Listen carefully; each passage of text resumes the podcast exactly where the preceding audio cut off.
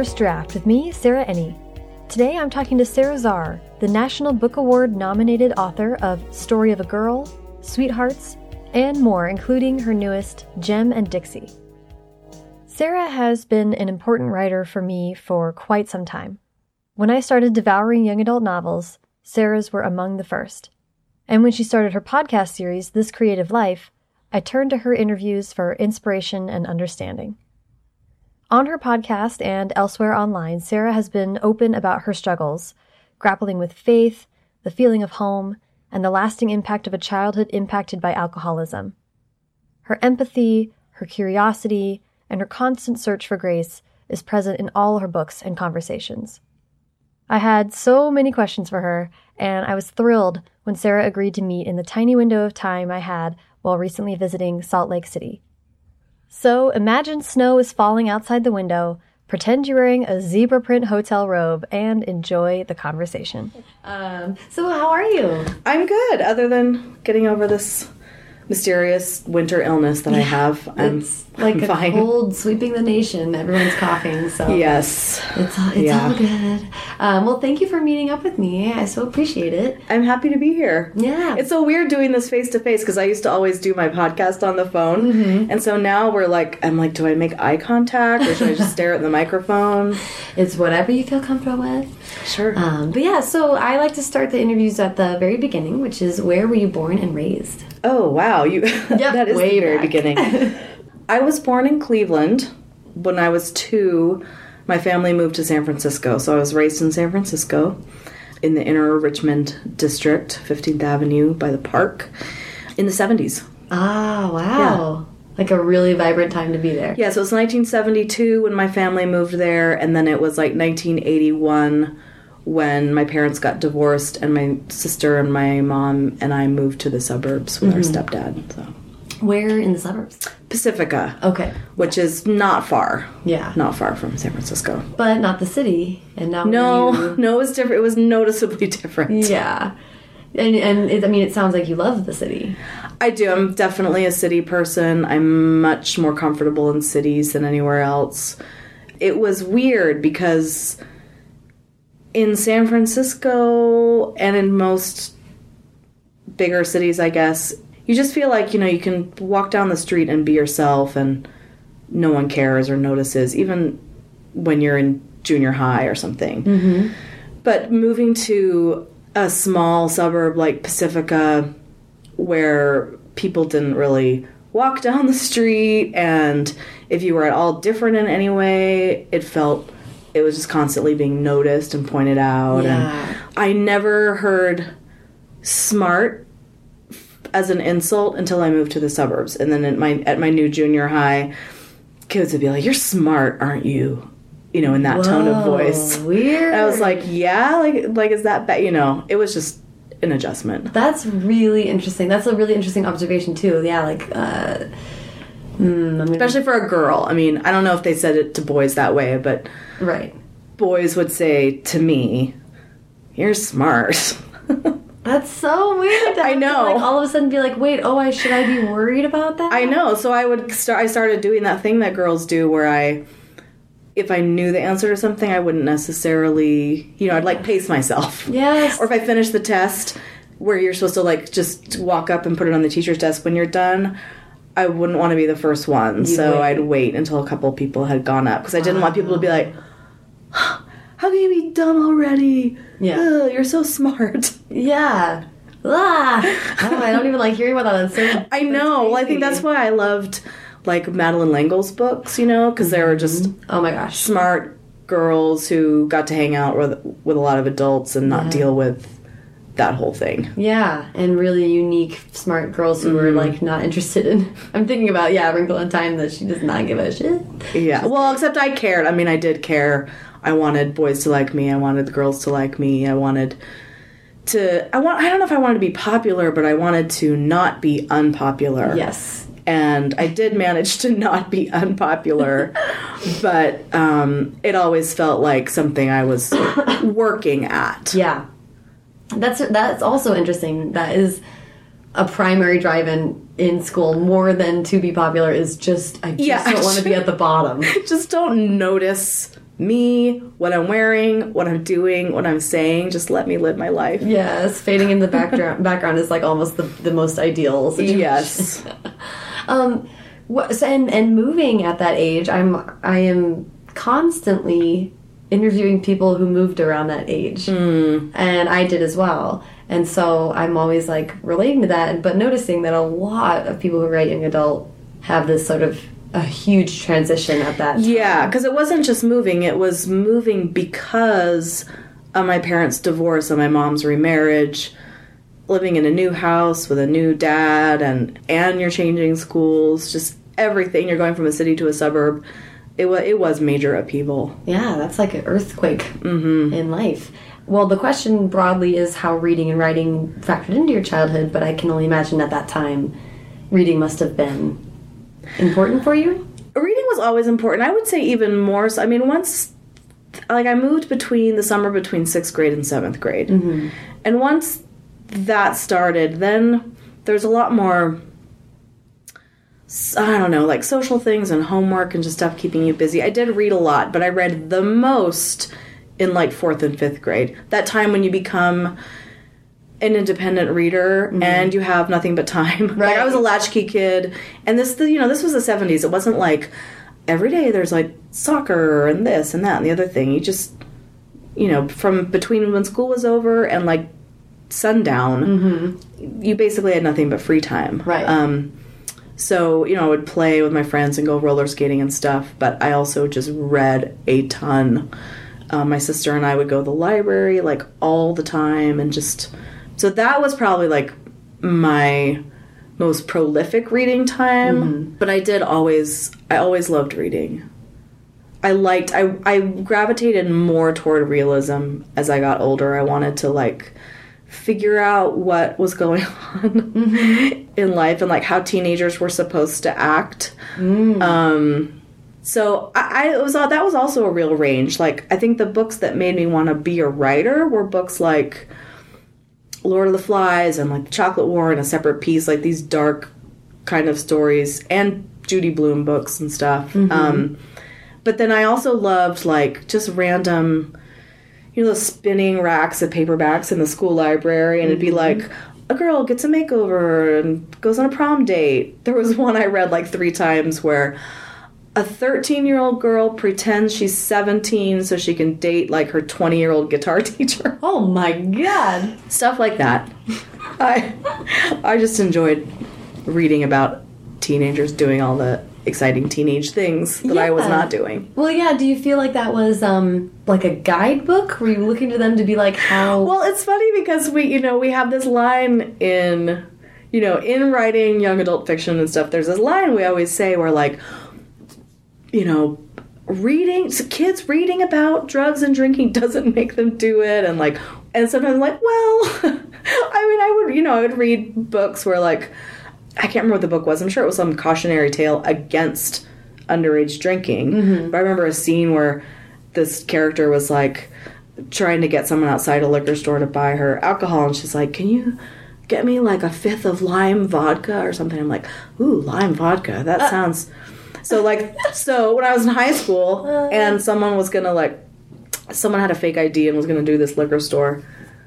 shopping trip. I'm like a fifth of lime vodka. Oh my God. So in that way, it was a guidebook, but no, I I think it was just more the escape into other people's lives Yeah. that I really liked. Yeah. Whether it was sad or scary or fun or you know, same reason I loved watching TV. It was like Yeah. stories and I like I like that you're talking about escaping into contemporary fiction though. It's funny.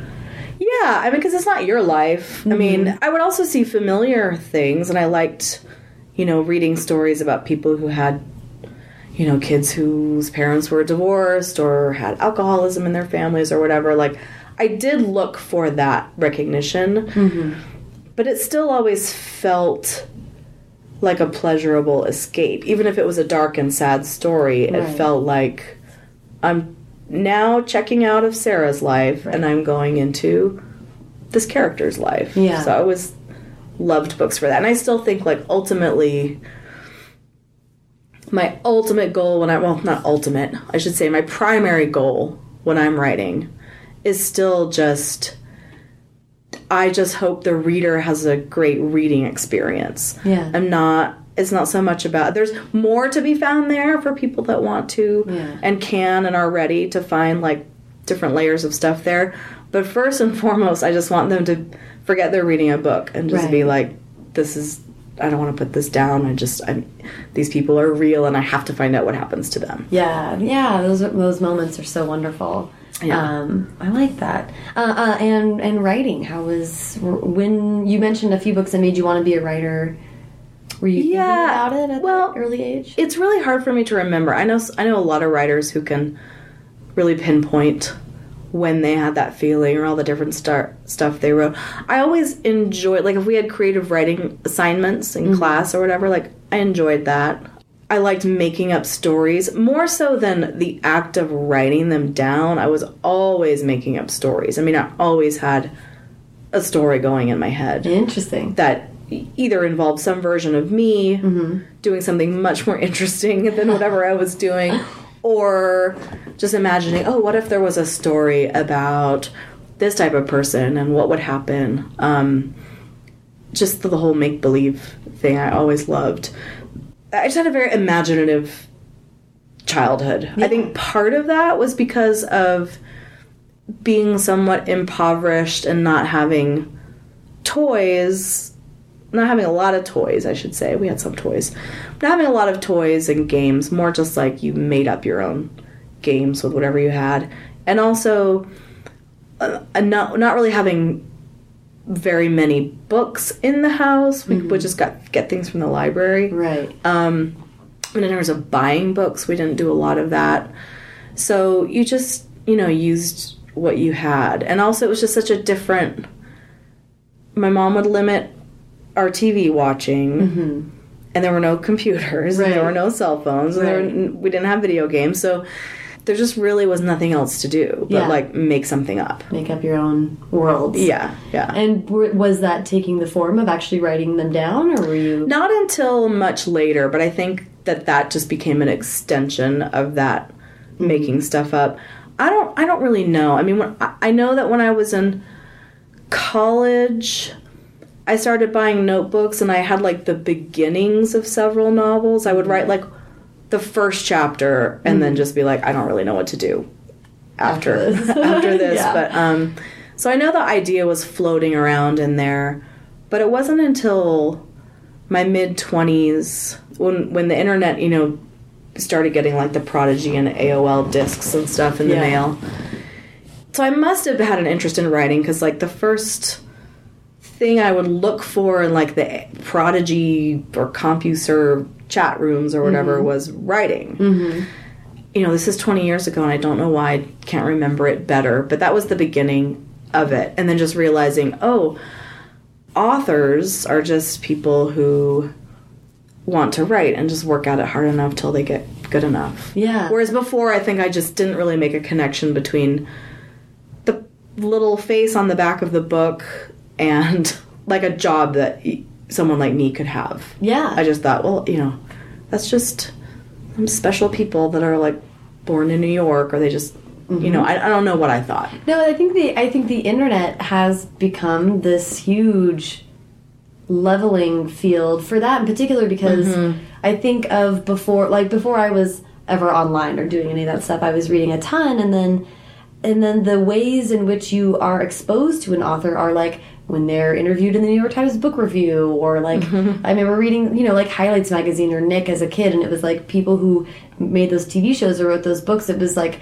when it's in a glossy magazine it's, it continues to feel like they're very fancy mm-hmm. special people and very separate from me and my life and then but going online and finding other writers was so huge being like oh these are just other people who are doing this thing and Yeah, well, and now with so many authors themselves being there and being so accessible, it's so interesting just meeting, you know, I'll like meet 15 year olds who will be like, you know, I'm working on my NaNoWriMo novel. Yeah. Like, you are? Like, how did you even know about that? yeah It's nice that it feels so possible for them. yeah let's not skip over college though what, what did you study in school I started as an English major because English was the class I got good grades in in high school. Mm-hmm.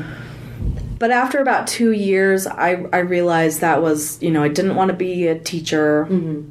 I didn't like analyzing texts. I didn't Yeah. like literary criticism. Mm-hmm. So I switched and I majored in a thing called organizational communication, which was part of the speech department. Um, and it's really kind of applied common sense. And I think people who were in that department sort of tended to just be good at and interested in communication anyway. Mm-hmm. And it, you know, the, the end game of that job, um, of sorry, of that major, would be jobs like um, working in human resources or you know maybe doing some kind of mediation type work, public relations. You know, could could, could Yeah. equip, you, equip you for a lot of different things. But I wasn't. I was. I wasn't that good of a student, and I wasn't that into school. And I was already married by the time I was nineteen, so it just took me like six years to get my BA, and I didn't really care Interesting. about because by the end of that, I just knew I wanted to be a writer or work in some kind of creative field, and so I was not motivated. Mm-hmm. The idea of any other type of career did not excite me. yeah. Do you mind me asking about getting married so young? Sure, I'm. s- I mean, it's been. I'm still married, so it all worked out. Yeah.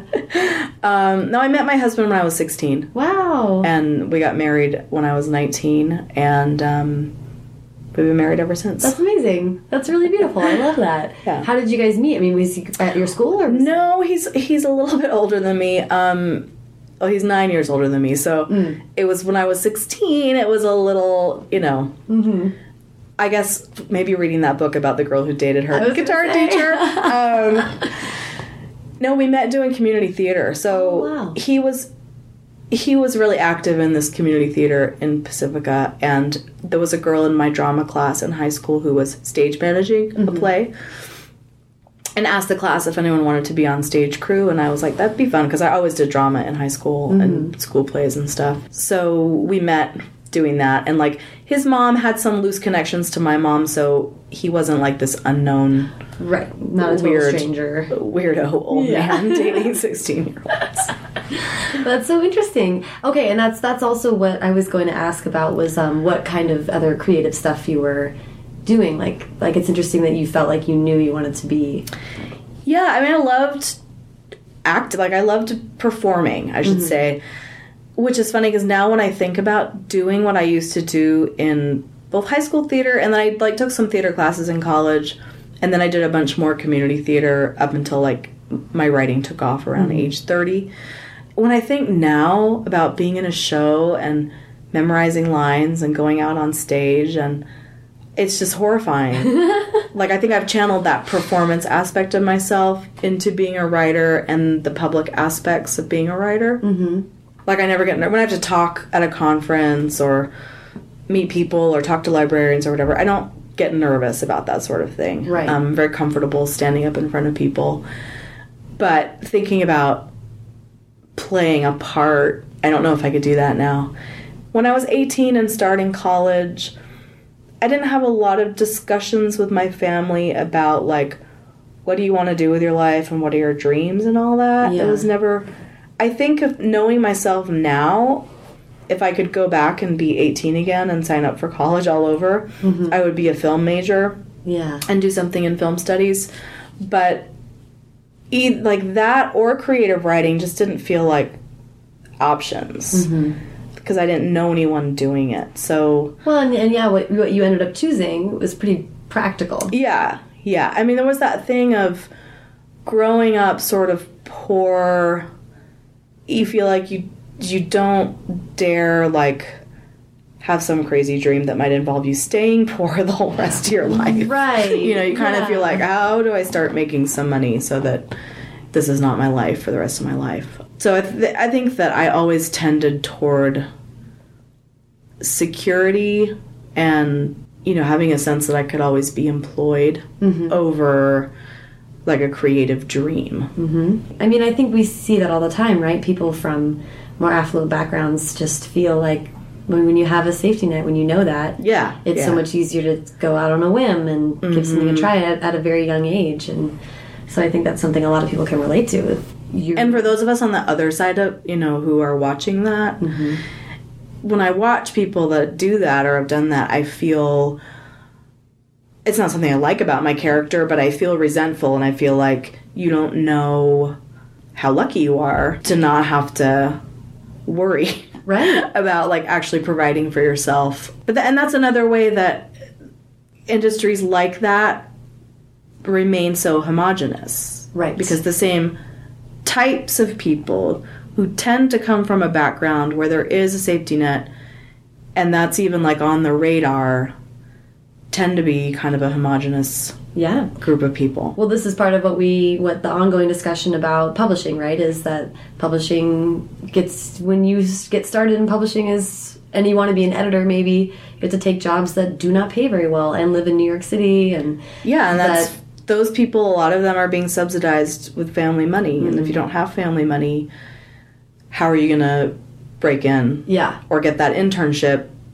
or Yeah. whatever? You know, which is why the We Need Diverse Books internship program is so wonderful. is key. I think. Yeah. So, yeah, but that that's that's so that's kind of like like, was your perspective. I love that writing was always around though, and that you're always Yeah, and clearly, like, I don't have anything to complain about. It's worked out for me now. I've been writing full time for almost 10 years, so. But I do recognize, like, it was a different path for me than it might have been Right. otherwise. But at the same time, I think by the time I got published for the first time, I was 36.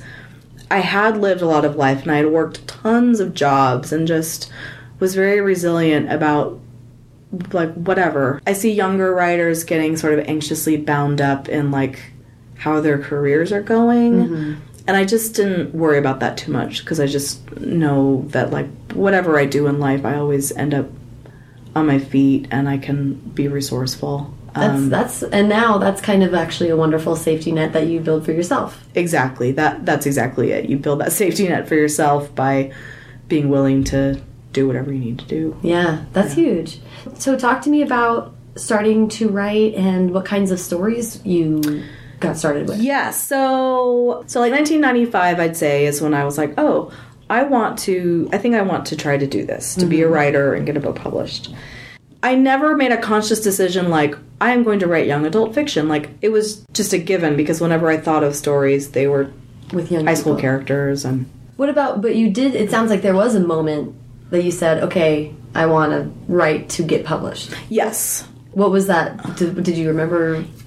so I heard about this Delacorte Prize for a first young adult novel, and I I don't I think I started subscribing to some YA or kidlit related like magazine. I don't know. I'm I have a very hazy memory of that time, but um, I know that I heard about their prize for a first young adult novel, and I just that gave me a goal. There was a deadline for that, and so I was going to finish a book by then. Mm-hmm. And that was probably like 95, 96.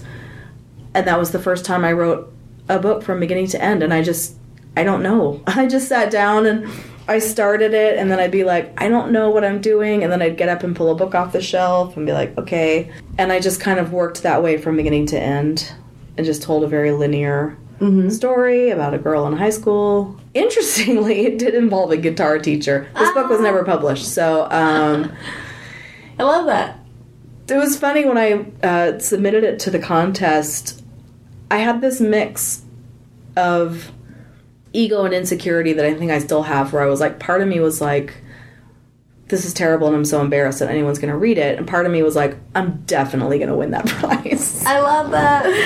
You kind of have to have both. Yeah, you do. You have to have a real foolish optimism and belief in yourself to just start putting putting yourself out there. It's true. I did not win that prize, uh, and I but I did. Um, I liked that book, and in a chat room there, so I just met some a couple of people who like they weren't famous writers by any means at this point, but they had books out and I would like go to the library and I could see that their books were in the catalog and I sent my pages to a few people and I just got encouragement that I should keep trying. Yeah. And so I started looking for an agent with that first book that I wrote mm-hmm. for that prize. I re, I you know did some editing on it and started looking for an agent. And in 1997, I did find an agent. It was really strange. And I it was, this is the old school. I went to the library. I looked in the big literary marketplace book. I wrote down the names and addresses of every agent that said they would represent young adult fiction, followed their instructions, and one of them offered to represent me. And I thought that now everything was just going to start happening. Right. And then nothing happened. Right. and so I and then I wrote another book and I got so insecure that that nothing was happening with the first book and I didn't I was kind of scared of my agent. Oh yeah. I mean, I was like 26 or 27 and she was like this lady in New York who wore Right. fur coats. Right. And I was like, I'd like the few times I called her, she didn't have email. This is again, Oh, wow. like starting out with the snail mail thing. I just felt like I was bothering her, and it was just, it, it wasn't a good. When you're in a professional relationship, if you feel like an inferior life form, it's just not going to go well for. It's like, it's not pleasant for you, and it's not pleasant for them.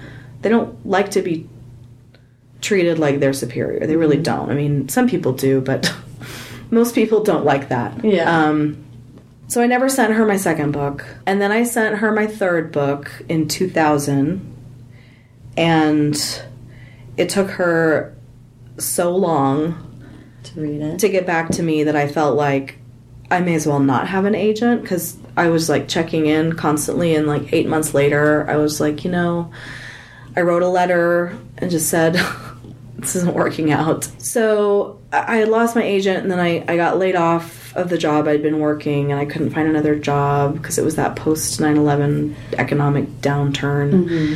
And I just felt like I'm 32. I've lost my agent. I've lost my job. Like all this stuff that seemed so promising in the last five years just seems like it's all dead now. Right. Do I want to keep doing this? And then that, like 2002, is when I started the first draft of Story of a Girl, which became my first published book. So that was actually the fourth book that I wrote. And when I was writing that book, I just felt like, okay, I know that like something different is happening with this book. I'm in a place with this voice I've never been in before, and like I feel like I kind of know what I'm doing finally, and this story matters to me where I'm gonna revise it like 10 times. Mm-hmm. I never felt that way with the first three. I never felt like compelled to just keep at them until they were where I wanted them. Mm-hmm. And maybe that was I didn't maybe I didn't care about the stories or I just hadn't found.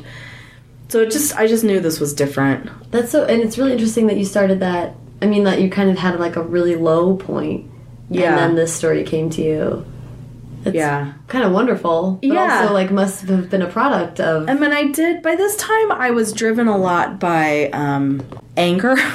yeah, when you've been doing something so long, it's like you're either gonna give up because just plodding along doesn't feel good. So I was like, my drive came from a deeper place of just like I, I don't know what else I'm gonna do with my life if I can't do this, and I had to prove to someone and to myself that I could do it. And I had gotten enough encouragement along the way where I didn't feel like I was totally delusional. Mm-hmm. But you don't know. You wonder. Right, you know? So, you know, it's like I've been doing this for seven years. Like, how much longer will I do this before I give up? And then I started writing that book, and a bunch of, you know, several years went by, and there was a process of finding a new agent and all of that. And so that was in 2005. I signed with my new agent and sold Story of a Girl, and then came out in 2007. wow, And I just been writing ever since. that is amazing. But oh, I know what happened was when we moved um, from San Francisco to Salt Lake City. One of those people I had met on Internet Relay Chat had a writers group here, a legit writers group with people in it that were publishing, and um, none of them were doing YA, but it was a lot of people doing essays and short stories, and I learned so much from being in that group. Yeah, I think that is the period of time where my writing really accelerated. Because I was just like a sponge. Like I was just ready, and I think it was good that they weren't doing YA because I was also trying really hard to prove to them that YA could be as good as what they were doing, and so I was really trying to make my writing craft really excellent to impress them. And I would just learn so much just from reading their stuff and commenting on it and going, oh, like this is something I do and I see why that doesn't work. Um, I'm really interested in the fact that, that you moved around the time of writing Story of a Girl. Uh, we left San Francisco in August of 2000 and moved to Salt Lake City for a job opportunity. And we've been here in Salt Lake ever since. I'm always like super, super interested in how place affects people's creativity and all that kind of stuff. It's amazing that you came here and felt like you had a supportive group right away. Yeah, that was great. But moving must have been, I mean, it's difficult. It was, but another factor in there was the job that I had when I moved here was so the job opportunity we moved here for was for my husband. I kept my job that I had in the Bay Area and telecommuted. Oh, okay. Until I got laid off. the, the aforementioned layoff was Right. that. You know, working at home, telecommuting, not quite full time, created a lot of time and opportunity for me to write. So, so what was it like to have? I mean, obviously, then Story of a Girl comes out and is very well received, uh, National Book Award finalist. That's amazing. Did it feel like it's hard to talk to people who have had something like that because it's like it was the farthest thing from an overnight success. but what was it like to have your debut book be so noticed? it was great like I, because of my background and my family dynamics and stuff i'm one of those people who's always waiting for something horrible to happen so i'm just you know my whole experience of that first book was like well it sold at auction but it was a really small auction and i was afraid that everyone was just going to get mad that i went to auction and they were going to punish me by not buying the book Oh no! What? no, I'm ta- I understand that's not rational. I just, you know, I'm always waiting for everything to fall apart. So that was that. And then when Little Brown acquired the book, I just until I actually had the contracts, I kept waiting for like that call or it's like mm-hmm. we've changed our mind.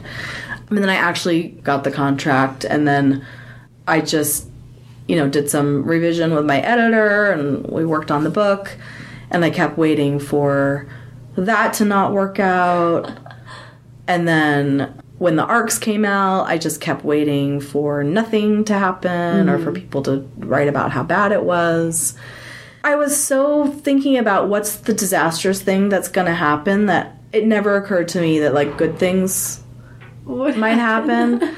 so, like the National Book Award thing just came completely out of the blue. I this is a great way to live. I'll never be able to live this way again. But I had no idea the National Book Awards existed. Like I knew they sort of like in an abstract way that that was a thing that existed, but like now everyone with social media and everything everyone kind of knows when the announcements are going to get made and like around what time of year they'd be getting that phone call Right. or like with the ALA awards you know like I wonder if I'll get a phone call tomorrow morning. But I didn't know any of that stuff back then. Mm-hmm. I remember when the Printz Awards were announced that year, Sherman Alexie, who had been, he won the National Book Award the year that my book was a finalist, and we had the same editor and had the same publisher.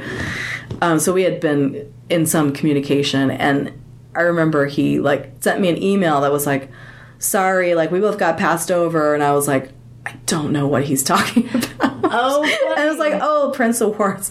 So that was it was just a very great time where I had no expectations. My only expectations were of failure, and that things would go horribly awry. Um, and so every good review, every good piece of news, you know, every nice email, like it just felt like a great surprise and a gift, and I enjoyed it. It didn't feel like pressure. Um, yeah, good. because I feel like every book is hard for me to write, so I don't I didn't feel a special pressure because of having a successful first book, I don't Yeah. think, because I always want to be perfect and live up to everyone's expectations and never be criticized. So Right, that right. pressure's just always there. Right. So it was just great. I mean, like, practically, as now that I've been doing this for 10 years and I can see, like, at a practical level, what a good thing, what a lucky thing it is for an author to have a strong debut and get on some lists and get a thing like being a National Book Award finalist. I can see how that opened up a lot of doors and made people interested in what I was doing next. and continues to be something that you have. Like you always. Yeah, it's something I'm always going to have. Yeah. As it becomes, you know, it's like almost 10 years now since the National Book Award thing. I, I start feeling self conscious. Like, that was a long time ago. it's time for some kind of new accomplishment. But, um, no, it was great. It was great. And I, I've, I think finally now I'm starting to not expect terrible things to happen. Yeah. but it's still just always when anything good happens it just feels nice. Yeah. i don't i don't feel like i'm entitled to have this good thing happen. And if it doesn't why is it not happening? I mean i'll get like a little bit of the usual like little jealousies and disappointments and creative envy and career envy all that stuff we all get. But i don't like i'll have a day of that Right. like if i have a book out and awards are announced and i'm not getting one Right. i have like one day of going oh I think this, this relates to what you were saying about having to be both insecure in some way, but then also like foolishly optimistic about, you know, like that is. Yeah, I mean, every year I'm like, I mean, even years when I don't even have a book out, when the awards, I'm like, maybe. Well, and, and that was going to be my follow up to it, which is, you know, you like as you mentioned, that was about 10 years ago, and you've written several books since then, but I wonder what it's like to write in the wake of something like that. To have a debut be so big, you know, everybody has like second book things and feelings that are different, and, and that feels like a particular, um, like, pressure that could have followed you. I shouldn't say I didn't feel any pressure because writing my second book was definitely hell. and I didn't think I was ever going to finish it. I had this experience where I went to a conference. I was giving a little talk at a conference where Chris Crutcher was also talking.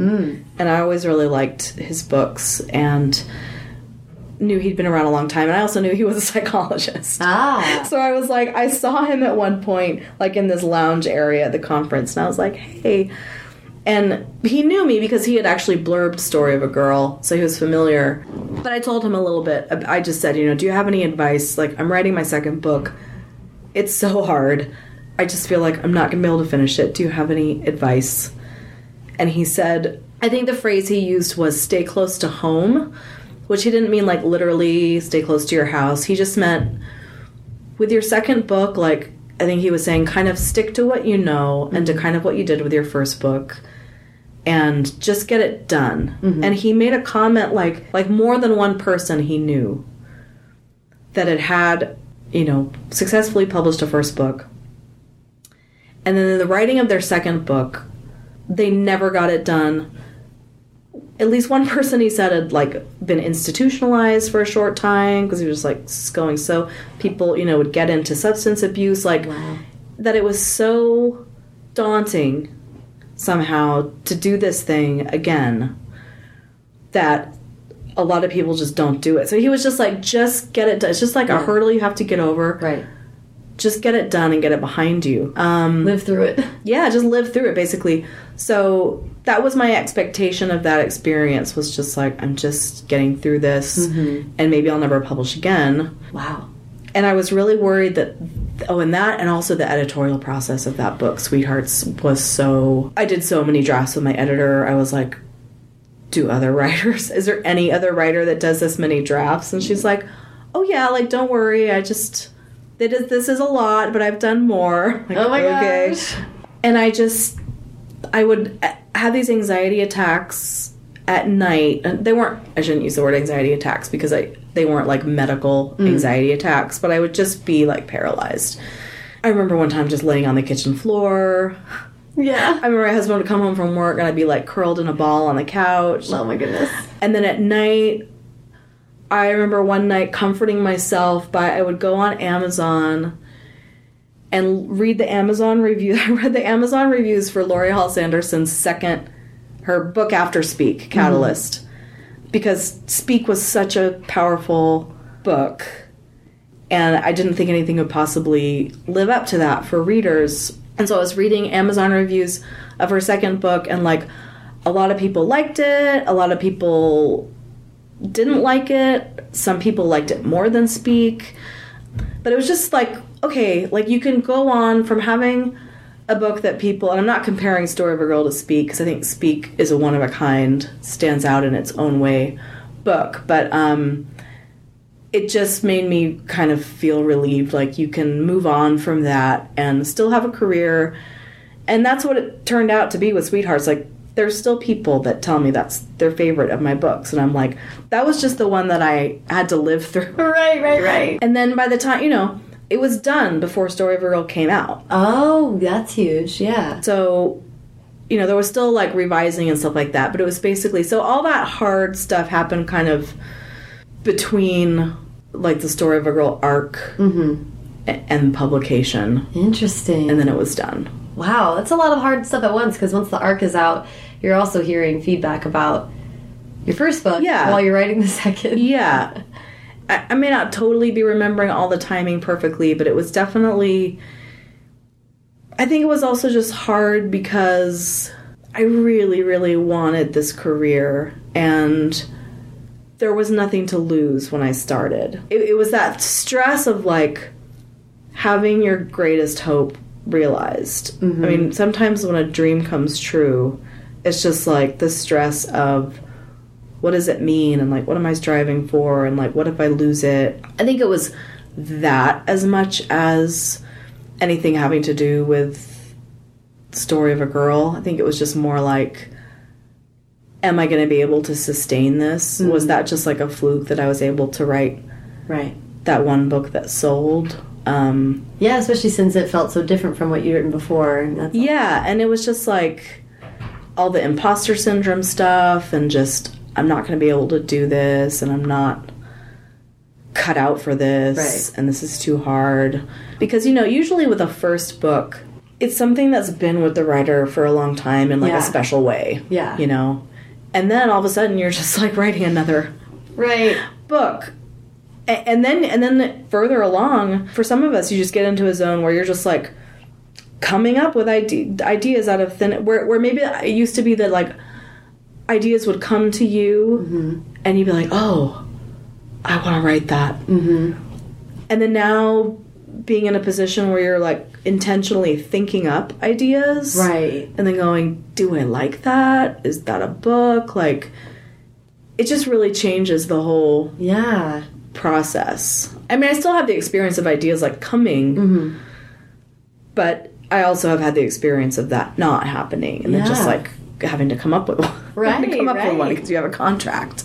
I would love to, t- to hear you talk a little bit about, uh, you know, now you established the career, keeping it, being in this world, getting familiar with the pressures, all everything changing, and um, the podcast and talking to people. And the podcast felt it was, it's such a wonderful podcast. I oh, love it. This creative life. Everyone should listen to the the whole catalog is really wonderful, and and you're so honest and and have such interesting conversations on there but it was a lot of grappling with like what what does this mean that we do this for a living and and how how do we deal with the lows of the creative life is a challenging one Yeah, I mean, one reason I did that podcast, which I haven't done new episodes and I don't right now, I'm not planning to, is because during that time that I was doing that, like, I couldn't write. Like, I was having such a hard time with the writing. Mm-hmm. All the things that we talk about on the podcast, it gave me something to do yeah that was both a creative outlet and a way of trying to figure out what was happening. It was I was having like a midlife crisis and like a personal crisis and like a health crisis. All this stuff was happening at once, mm-hmm. and I was writing. It wasn't. I didn't have a. It wasn't like writer's block or a totally dead time because I was getting stuff done at a bare minimum that I had to get done to keep going. But that's why there's this four year gap between my last book, The Lucy Variations, and my next one, Gem and Dixie. It's four years, so like May 2013 to April 2017. Uh, there was a collaborative novel in there, but that was something that was written before and had felt pretty easy. So that gap was because of like, I really did have to figure out if I could and did I want to keep writing. right But I didn't ever want to say that right to my publisher or like you know to the world Right. and just be like i'm thinking about quitting Right. because that seemed like a stupid career move i can say it now because i chose not to and Right. i'm happy now and the writing is good again but um but you don't want to go around announcing all the struggles right in that really blatant way of just like I don't know if I can ever write again. I mean that's fine. Some people do talk about that. I didn't want to be that vulnerable. I could be very vulnerable about a lot of things, but I didn't want to ever like have people get in their heads that like, oh, didn't Sara Zarr quit writing and then like Right. you know write me off or forget about me or whatever. And it seemed like what it seemed like your reasons for maybe like you were able to exercise some of this through these conversations and Yeah, and it helped me still feel a part of something, even though I wasn't putting out new work. It was good actually to um, to do that and just have. I think it helped people know me in a different way, and so it turned out. It in the long run, though I didn't do it for this reason, it turned out to be like something good for my quote unquote brand, whatever that is, or just like the goodwill that you want to accumulate in an industry, that sort of thing. Um, and I love podcasts and I love listening to podcasts and I when I was a kid I used to do fake radio shows on my on a cassette tape player so it all is in line with like my whole performance thing. I think cuz that was another thing cuz I wasn't writing or I didn't have work coming out but I still had the performance need like I needed some attention Yeah. for performing. Right, And so it like scratched that itch and like soothed that ego need. well I'm And I loved talking about that stuff with people. yeah But I think more so because I was having such a hard time doing it. Now that I'm not having such a hard time doing it, I don't particularly want to talk about it Mm-hmm. or talk about the struggle of it or anything because I'm just, it's good now. yeah Um, Well, do you think that, and, and, and part of me asking this is that my, that my podcast started when I was, I had just had a book barely not sell and like get close but no cigar and I, my day job was like blah and all this stuff. So I was like at a low point and that's why I was starting to ask people like and I told some interviews where I was like I'm just basically asking you to like tell me how to do that you know Uh-huh. like whether this is still worth it for you or how you you know like there was a lot of me being like can I just ask you this insane question because I'm having a hard time um, and so for me, I think the podcast did it did help me. It gave me access to a lot of people who were so smart and really inspiring, and and it, it made me. It, it was a, a great creative thing for me. Yeah. So do you feel like that it functioned? oh, way for you? definitely. And I, and I, similarly, I was getting. I was being mentored by those conversations. Yeah. Like, it was stuff I needed to hear. I Yeah. remember a few conversations in particular. Uh, I remember talking to Scott Derrickson, who's not even like a YA writer or anything. He's a director. He just directed Doctor Strange. This is his most recent mm. that people would know about. But at the time, I had met him at a conference and it was fun to talk to him. But he told a story on that episode about just the pri- privilege of being able to work in in the field and how he like had known someone in the screenwriting world who got really good at writing like biopics or biopics, however you pronounce it. But um, and people kept hiring this person to write biopics and that sort of thing, and he just didn't want to do it anymore, and just started saying no. And then Scott was like, you know, you after you go through like a phase of not being able to get work, you'll just be begging to write a biopic because that was part of it. Was just feeling like I don't know if I want to. You know, keep doing YA and keep doing what I'm doing, and it's just right. like just that realization of recognizing there's a space for you in this world and that's a privilege you Yeah. know you can complain about it or whatever and like see the problems in it try to like don't ever resent it because Right. if this is all the writing you could ever do for the rest of your life and no one ever wanted you to do any other kind of writing Mm-hmm. you know would you do it versus not writing Right. it's like yeah yeah. definitely um Yeah. and i remember like it for granted. yeah, and the, and the conversation with Gayle Forman about just, I think we're a similar age, and just talking about kind of saying screw it to expectations and just do, doing doing what you need to do. And Sarah Dessen, you know, who again, as I said, like she's been doing this for 20 years, and that's what I want to still be doing this in 20 years and not just be doing it for like five years. Yeah. you know. Um, so yeah, I definitely felt inspired and mentored by all those conversations. Yeah, it feels sometimes actively selfish. Like it's like I'm just reaching out to people that I, I admire and Like, I really want to talk to you. Well, the other thing was, like, I never, or I should say, rarely, when I would read or listen to interviews with writers, I would rarely to never hear what I wanted to hear as a writer. Mm-hmm. like I don't care about like what's your next book about or like you know I don't really care about that stuff. I want to know how they wrote it and Yeah. like you know was it hard and how And did they get through it all of that. Yeah. So I wanted to be be the one asking the questions so I could get my answers. Yeah, I like that. I like that. No, that's. I was listening to just like a heap of interviews with like comedians, basically, and I was like, "That that's so fun. They're so entertaining." But I was like, I really want to. The the best ones were comedians who were writing their own stuff and who mm-hmm. were screenwriters or whatever. And I was mm-hmm. like, yeah, I mean, my writing friends are like more interesting than most of these people, and so it was kind of like. I want to hear about what someone wants to explore through their work, or like what's the mm-hmm. ultimate meaning of like what does make it worth it, is and all that stuff. So it's been like cool to be able to steer steer people in that direction. Yeah. ask questions that don't get asked all the time. Yeah, because everybody wants to know what's your inspiration. yeah, Like, or where'd that idea come from? yeah, it's like boo, no. Let's talk about anything else. Um, so I, I really love that, and it's and, and podcasting is so. It's uh, recently I feel like you've been a part of conversations that are happening online about living outside of just books. Hmm, yeah. And I think podcasting was a way for me to be like, well, I'm, I have to look up specs for mics now. Like that's different, and I can like figure something else out. It felt like a like a creative thing that was very separate. And it's also something you control from start to finish. You're not waiting on an editor or a marketing person. You're not waiting for like a book to come back from the printer 5,000 years from now. So Yeah. it feels like um, it's just instant gratification and you just do it exactly. I mean, I had a couple of people volunteer along the way to do the editing for me and stuff. And I thought, no, I just like being in complete control Yeah, of this.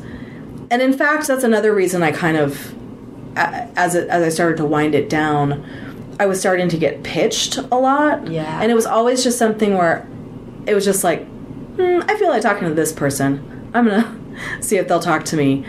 I didn't want to be pitched and then have to say no or.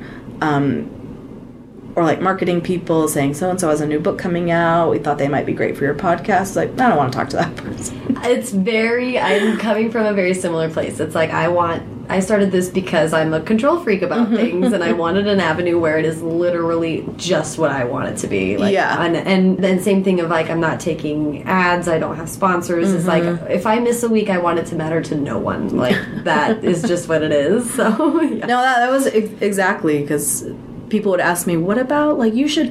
Oh, you should submit your podcast to this podcast network or that podcast network." And I was like, "No, I don't want to have to cross advertise other podcasts and like." Haven't we all heard enough ads for Squarespace? Yeah. yeah we get MailChimp. it. We get it. Yeah. You've had very exciting things happen with movie and film. Can you share how it came about? Yeah. It does feel recent, and the actual filming was recent. But the movie stuff for Story of a Girl went in motion the year the book came out Wow. in 2007. Wow. So this was a very long, and this is pretty common for small indie projects, which the Story of a Girl movie is a low budget um, type of a deal. And so in 2007, when the book came out, it was optioned by Kyra Sedgwick and Emily Lansbury, who had a production company together. And it went through a lot of different stages of coming close. And then a lot of different things kept happening to thwart that mm-hmm. which happens a lot in the movie world. I mean most option deals don't turn into actual movies so it's like nothing which i got tired of explaining to people outside of the business or just like when's your movie coming out?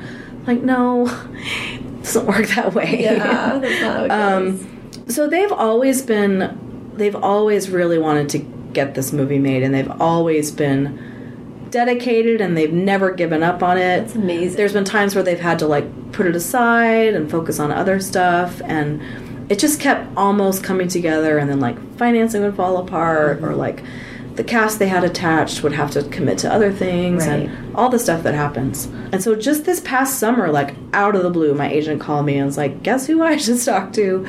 Uh, Emily Lansbury. You know, they think they have a deal with A and E, and this is really going to happen." So it really did happen, and I got to go visit the set in Vancouver back in I guess it was September. Um, and that was just so. It was really a dream come true. Even if it wasn't my book being made into a movie, it would still be a dream come true to just hang out on a movie set for a day. 'Cause I love movies, and I've always been curious how it actually happens. And it was just awesome. Like it was just a very thrilling, memorable day, and um, just hearing actors say my words, like hearing Kevin Bacon say something that I wrote was Yeah. like, what? Was it kind of? I mean, I like that it's like since it did take a while. It, I'm sure it got to the point where it was like a benefit if anything happened. You know, it's not like assumed. Yeah, I mean, I think like probably like the theme of my different journeys is just everything the way that it's unfolded, both with my publishing career and also with the movie stuff, has unfolded in a way where I get to go through all the phases of like excitement and anxiety and disappointment, and then waiting and waiting and waiting and waiting. So that now, like, I'm just pretty calm about everything. Just like, if this thing doesn't happen, it's fine. If it does, that's great. I'm going to hope for the best, but I don't get wound up about it. Whereas if, you know, if I had sold that first book, if the movie option happened and then like it got made into a feature film that first year, I think I'd just be like, uh and I would like have that expectation for that to happen with all of my books Right. and there's a kind of wisdom that comes through seeing how I won't say like through things failing because I don't feel like anything actually failed, but just not coming out according to my timeline or wishes. Yeah. helps me just remain calm in in the times where I see other people kind of getting so excited and then so disappointed and just um, that roller coaster of chaotic emotions that Well, I don't enjoy having. Right, and, and and and so much of it I don't want to keep coming back to, but I do feel that the older I get, the more I am able to like handle my shit. mm-hmm. So so there is something to that of like you know how to regulate yourself and your expectations. You Totally. know how to how to take care of yourself. And you know how to just keep steadily working while Yeah. all this is happening. Yeah. You're not like just bouncing off the walls for a month Right. in anticipation of getting to meet a movie star. Right. Because you just start realizing, well, everyone's just a person and we all just have our work to do. And like, you just learn to kind of stay kind of calm and steady and Yeah. get stuff done, even when there's like a lot of background noise. Mm-hmm. Mm-hmm. Which is great and it's Yeah. like the thing that i like about aging like me it, too. it just gets better every year like a little bit and learn how to make it better every year um, i called it shedding fucks the other day like, that's my favorite part of getting older um, okay let's definitely talk about Gem and dixie Sure. I'd love to hear. So, so in that kind of this like fallow period, a little bit, um, the podcast, kind of you figuring out your career. How did how did this idea come about, or, or what was the?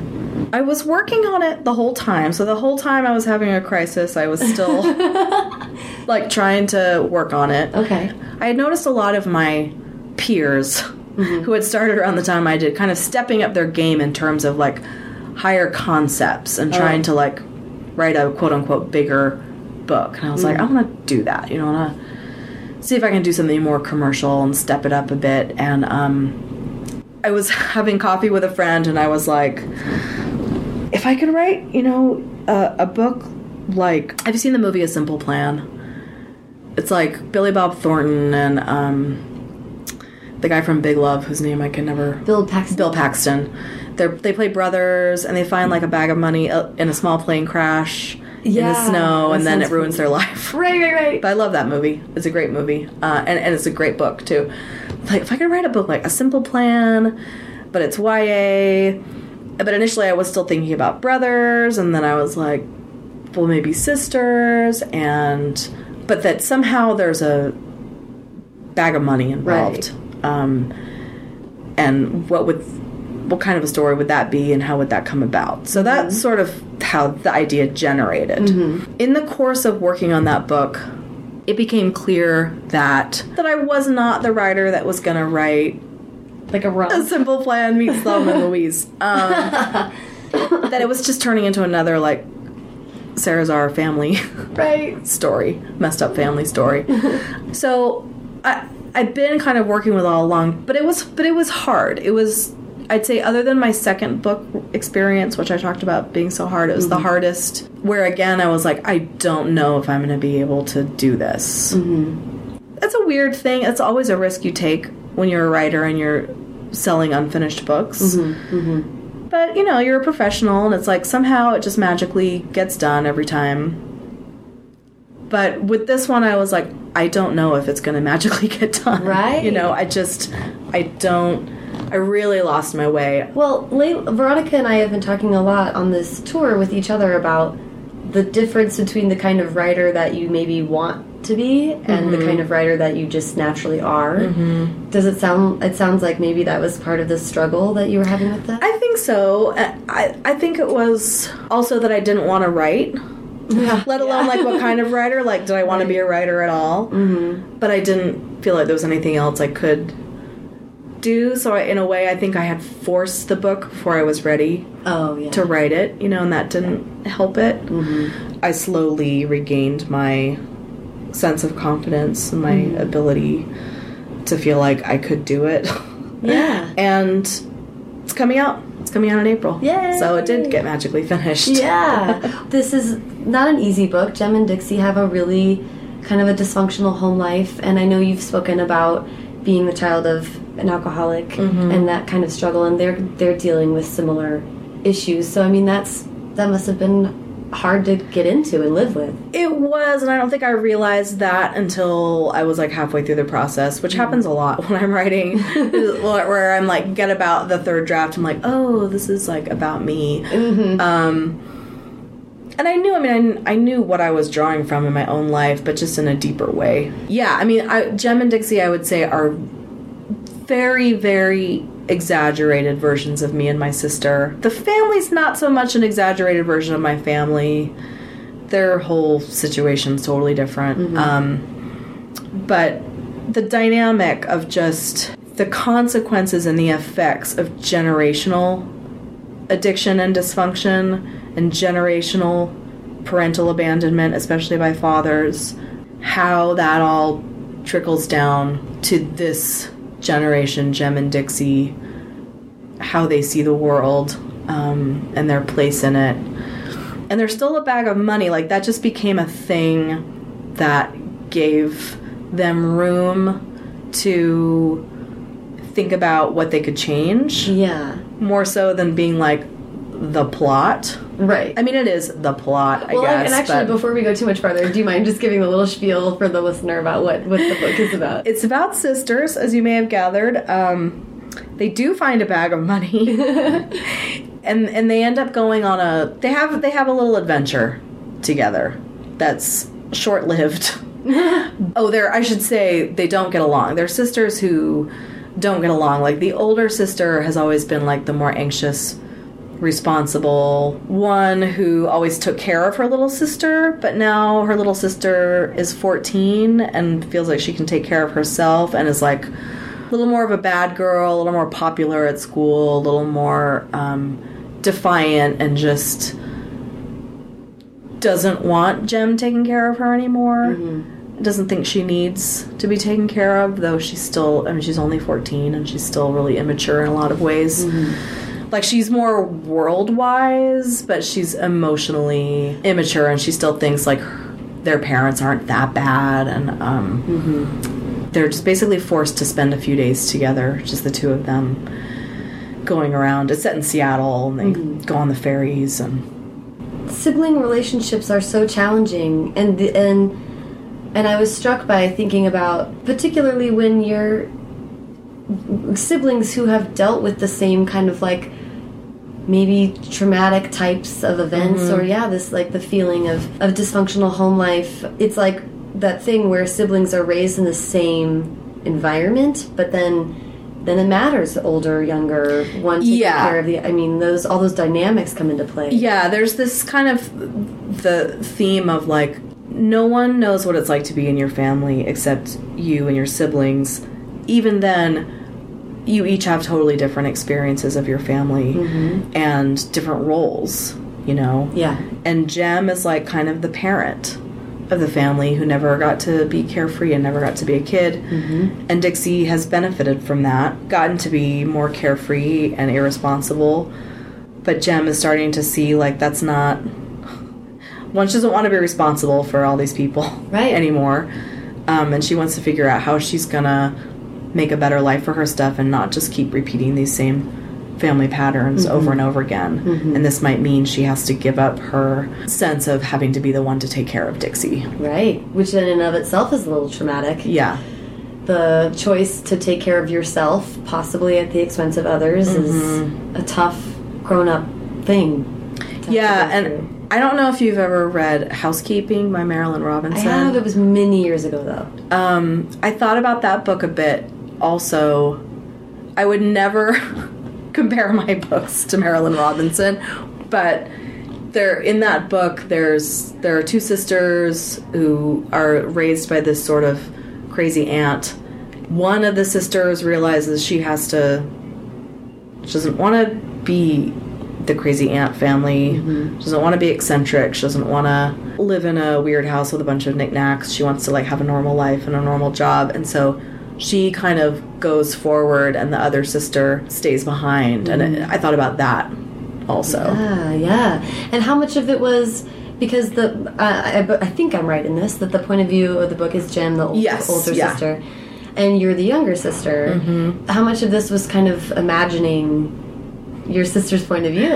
I did. It, there was some, you know, I should say, there. This is not me and my sister, Right. But I definitely, it would be more. It would have been more natural for me to take on the personality of Dixie, and so. But I thought more about my sister, who definitely, like in our situation, carried more of the weight of awareness, mm-hmm. for lack of a better word, because first she had four years with my mom and dad by herself. Mm-hmm. And she remembered more things about that time.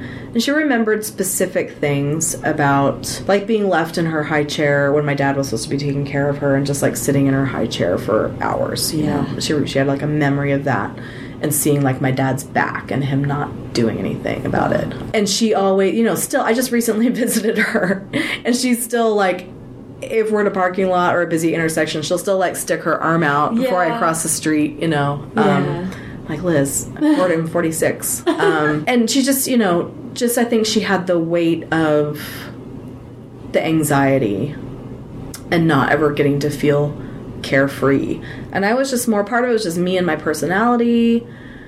I was more carefree. I had uh, some more interactions with my dad during the time of our childhood in San Francisco because there was a time where when my sister was in school and my mom was working and my dad was just taking care of me before I was like in kindergarten or whatever. Mm-hmm. And I would like ride around. We didn't have a car, but I would ride around the bus in San Francisco with him doing errands and mm-hmm. whatever. So like we had like a little period of bonding during that time that I don't mm-hmm. think she had ever really had with him. Yeah. So my sense of experiencing him as a father, I got a little more of that than she did, and that played into that whole dynamic too. Yeah. So I think it's similar where Dixie has an easier relationship with her father than Gem does, and that's painful Yeah. for Gem, and it turns out is painful for Dixie because she's aware of it. You know, it also gives Dixie a distorted idea of what her dad is actually capable of and like how reliable he is, and yeah. and Gem can see it and just be like, why do you trust him? Why are you talking to you know all of that sort of thing. So, yeah, it was definitely like imagining it more from a type that was more like my sister than like me. Right, right, right. Mm-hmm. And all those things are really like it's it's and it's a very um, interesting and beautiful to have a book that's meditating on sisters and ones who aren't like you know oh I think a lot of stories are sisters that are kind of best friends and they fight like friends do and Mm-hmm. it's like siblings where it's like the tie is that we are inescapably family. The tie isn't that we are like instantly Yeah, really suited to be with each right. other. Right. Which Yeah, and, and and and being trapped in a family system that's broken. yeah, yeah. And what does it mean if you want to leave? And there's no like this, i think this is my first oh i know this is my first book where there's there's no romantic interest. There's no crush. There's no relationship. There's it's it's just about these sisters and, and, a, and a friend they meet for a brief period of time. But um there's no no swooning. Was it no kissing no was crushing. it freeing? yeah. Yeah. because at one point I thought, oh, should they like meet a boy on the road and should one of them should Dixie have a boyfriend? And no, no. It's just I just wanted it to be about them. Yeah. Yeah, I mean, normally when I do write romantic or crush relationships, it's not so much for the sake of that relationship as to reveal something about the main character and just mm-hmm. put them into different contexts and things like that. And I know there's a certain type of reader that will be looking for like where's the triangle? Where's the love triangle? Or like are they going to fight over a guy? Or so much of our lives are not about any kind of romance or crushing that sometimes I just wonder if it's even dishonest to like always include that in a book and make Yeah. it sound like this is a part of life that's happening all the time to everybody. It's like, no, for a lot of people, it's not. Mm-hmm. And it doesn't need to be, and it doesn't mean there's something missing. Yeah. Yeah, I like that. That's really interesting. Um, are there other things about Gem and Dixie you want to make sure that we talk about? I'm excited about it coming out. I'm just excited to have a book out after four years and And do you feel like um, I'm sure you're working on other stuff now? Um, so do you feel like this that kind of period, that little bit of a break, was like a fever breaking? Like you're kind of back to a more consistent creative, Yeah, creative output? I, it's actually better than it's ever been, I think, because I think fever breaking is a great way to put it. yeah, I actually think last year, sometime around this past fall, I started looking into um, going back to school to be equipped to move into a different career in my 50s. So I'm 46 now. And I started talking about it with some friends and saying kind of like if I like if by fall 2017 I haven't really gotten back into writing, I'm gonna go back to school. Mm-hmm. As soon as I started saying that out loud, everything in me was like, I don't want to do that. Like I just want to. I'm all in with writing. It somehow just gave me. It freed me. It just totally freed me. I think it's really so trite that it somehow can be summed up by if you love something, let it free, and if it's meant to be, it'll come back to you. Uh, but I think honestly, like the act of saying out loud that I might change to a different career loosened something in me. That was like that feeling that you have when you start out of like you really want it, but there's nothing to lose. Mm-hmm. And then you get it, and then there is something to lose. And then it's almost like you're just driven by the fear of losing it. And being driven by fear does not result in a great experience of life. And I think I just got through that fear. Yeah. Because I instead of feeling like, oh my God, what if I lose it? Like, even if I hate it, like, I just don't want to lose it. But then once I started being like, well, it's okay if I lose it, I can do something else. Mm-hmm. Then I'm just like, I'm not scared. Well, it's reminding me of what we were saying earlier about creating your own safety net. And maybe it's Wow, some- yeah. something about Yeah. acknowledging that and knowing, like, you know what, if, if it all, if everything fell out, I know I'd still get on my feet. Yeah. Like, saying it out loud is like, like a vision board. You're like, okay. Yeah, yeah. There's this saying in the 12 step world that's like, I'm not the worst person in the world and I'm not the best person in the world. Mm-hmm. And I like saying that with writing, like, I'm not the worst writer in the world and I'm not the best writer in the world. I'm always going to be somewhere in between. And whether that's getting awards and good reviews or not getting awards and not getting good reviews, I'm not going to be the best and I'm not going to be the worst. All I really have to do is do it the best that I can. And so I think freeing also from, but I'm Sara Zarr, I should like be getting this kind of review and this kind of award. And um, I don't think that anymore. You Yeah. know, part of that is also like you were talking about the benefits of getting older. Part of that is just like getting through my early 40s and being 46 and being like, like you said, like I don't give a fuck. I Yeah. mean, whatever happens, I don't have anything to prove. Like, mm-hmm. I'm just gonna do what I do the best that I can. Yeah. it's really that's really so nice to hear that you kind of came around and had the. I think Believe me, I am very relieved because for like three or four years, and especially in the last two years, up until like six months ago, almost every night I'd be laying in bed and just being like, what am I going to do with my life? And then breaking through that. Mm-hmm. And now just feeling fine. Yeah. really, so really quick, I'd love to hear um, uh, just advice, a quick thing of advice for other writers.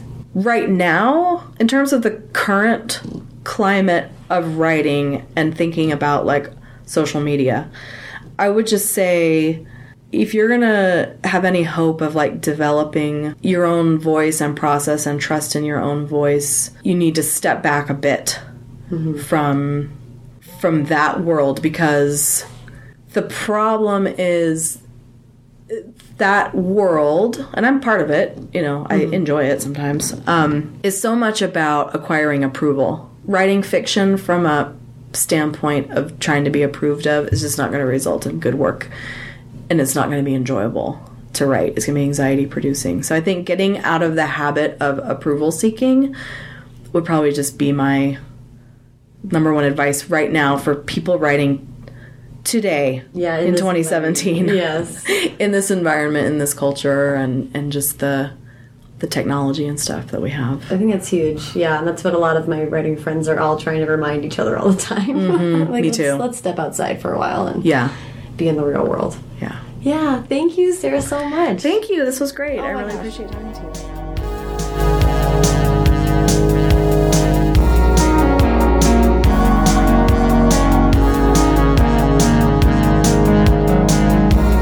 Thank you so much to Sara. Find her on Twitter at Sara Zarr Books and find the show at First Draft Pod and me at Sarah Enni. You can also find the show on Instagram and Facebook, but for show notes with links to everything Sara and I talked about, as well as some of my favorite quotes from this and the 100 plus episodes in the podcast archive, links to said archive, and a place to sign up for the First Draft newsletter, visit firstdraftpod.com. Don't forget that if you are in or near the Los Angeles area this month, two amazing festivals are fast approaching. The Los Angeles Times Festival of Books on April 22nd and 23rd. I will be moderating an incredible panel with Victoria Aveyard, Marie Lu, Kiersten White, and Laini Taylor on Sunday afternoon. The following weekend, April 29th, I will be at Y'all West at Santa Monica High School on a panel discussing the short story I'm contributing to the anthology Because You Love to Hate Me, which is coming out in July. I'm also going to be in New York for BookCon, which coincides with Book Expo America on June 3rd and 4th. I'll be recording some episodes and maybe a little more. Details to come. If you enjoyed this episode, please subscribe to the show on iTunes and think about leaving a rating or review there. Every five star review helps other listeners find the show and fills me with a sense of sisterly understanding. Thanks to Hash Brown for the theme song, and to Colin Keith and Maureen Goo for the logos. Thanks to super intern Sarah DeMont and transcriptionist at large Julie Anderson. And as ever, thanks to all you searching, striving, creative livers for listening.